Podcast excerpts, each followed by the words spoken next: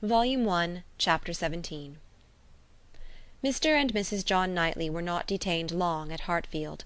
The weather soon improved enough for those to move who must move; and Mr. Woodhouse having, as usual, tried to persuade his daughter to stay behind with all her children, was obliged to see the whole party set off, and return to his lamentations over the destiny of poor Isabella; which poor Isabella, passing her life with those she doted on, full of their merits, blind to their faults, and always innocently busy, might have been a model of right feminine happiness.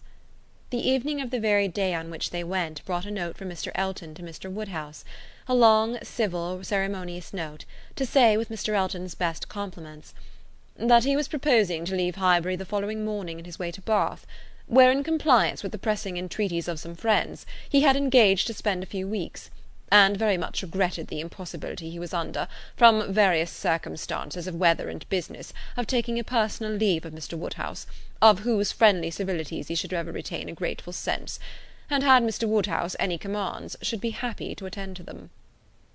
Emma was most agreeably surprised. Mr. Elton's absence just at this time was the very thing to be desired. She admired him for contriving it, though not able to give him much credit for the manner in which it was announced. Resentment could not have been more plainly spoken than in a civility to her father from which she was so pointedly excluded. She had not even a share in his opening compliments; her name was not mentioned; and there was so striking a change in all this, and such an ill judged solemnity of leave taking in his graceful acknowledgments, as she thought at first could not escape her father's suspicion. It did, however.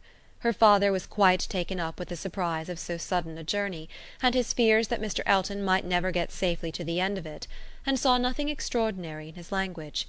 It was a very useful note, for it supplied them with fresh matter for thought and conversation during the rest of their lonely evening. Mr. Woodhouse talked over his alarms, and Emma was in spirits to persuade them away with all her usual promptitude. She now resolved to keep Harriet no longer in the dark. She had reason to believe her nearly recovered from her cold, and it was desirable that she should have as much time as possible for getting the better of her other complaint before the gentleman's return. She went to Mrs. Goddard's accordingly the very next day, to undergo the necessary penance of communication. And a severe one it was.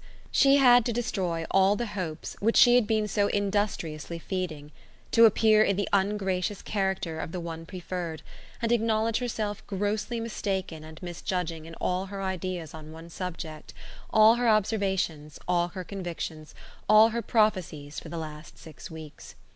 The confession completely renewed her first shame, and the sight of Harriet's tears made her think that she should never be in charity with herself again. Harriet bore the intelligence very well blaming nobody, and in everything testifying such an ingenuousness of disposition, and lowly opinion of herself, as must appear with particular advantage at that moment to her friend. Emma was in the humour to value simplicity and modesty to the utmost, and all that was amiable, all that ought to be attaching, seemed on Harriet's side, not her own. Harriet did not consider herself as having anything to complain of. The affection of such a man as Mr. Elton would have been too great a distinction. She never could have deserved him; and nobody but so partial and kind a friend as Miss Woodhouse would have thought it possible. Her tears fell abundantly, but her grief was so truly artless that no dignity could have made it more respectable in Emma's eyes; and she listened to her and tried to console her with all her heart and understanding, really for the time convinced that Harriet was the superior creature of the two, and that to resemble her would be more for her own welfare and happiness than all that genius or intelligence could do. It was rather too late in the day to set about being simple minded and ignorant, but she left her with every previous resolution confirmed of being humble and discreet, and repressing imagination all the rest of her life. Her second duty now, inferior only to her father's claims, was to promote Harriet's comfort, and endeavour to prove her own affection in some better method than by match making. She got her to Hartfield and showed her the most unvarying kindness, striving to occupy and amuse her and by books and conversation to drive Mr. Elton from her thoughts. Time, she knew, must be allowed for this being thoroughly done, and she could suppose herself but an indifferent judge of such matters in general, and very inadequate to sympathize in an attachment to Mr. Elton in particular. But it seemed to her reasonable that at Harriet's age, and with the entire extinction of all hope, such a progress might be made towards a state of composure by the time of Mr. Elton's return, as to allow them all to meet again in the common routine of acquaintance without any danger of betraying sentiments or increasing them. Harriet did think him all perfection and maintained the non existence of anybody equal to him in person or goodness and did, in truth, prove herself more resolutely in love than Emma had foreseen; but yet it appeared to her so natural, so inevitable to strive against an inclination of that sort unrequited that she could not comprehend its continuing very long in equal force. If Mr. Elton, on his return, made his own indifference as evident and indubitable as she could not doubt he would anxiously do, she could not imagine Harriet's persisting to place her happiness in the sight or the recollection of him.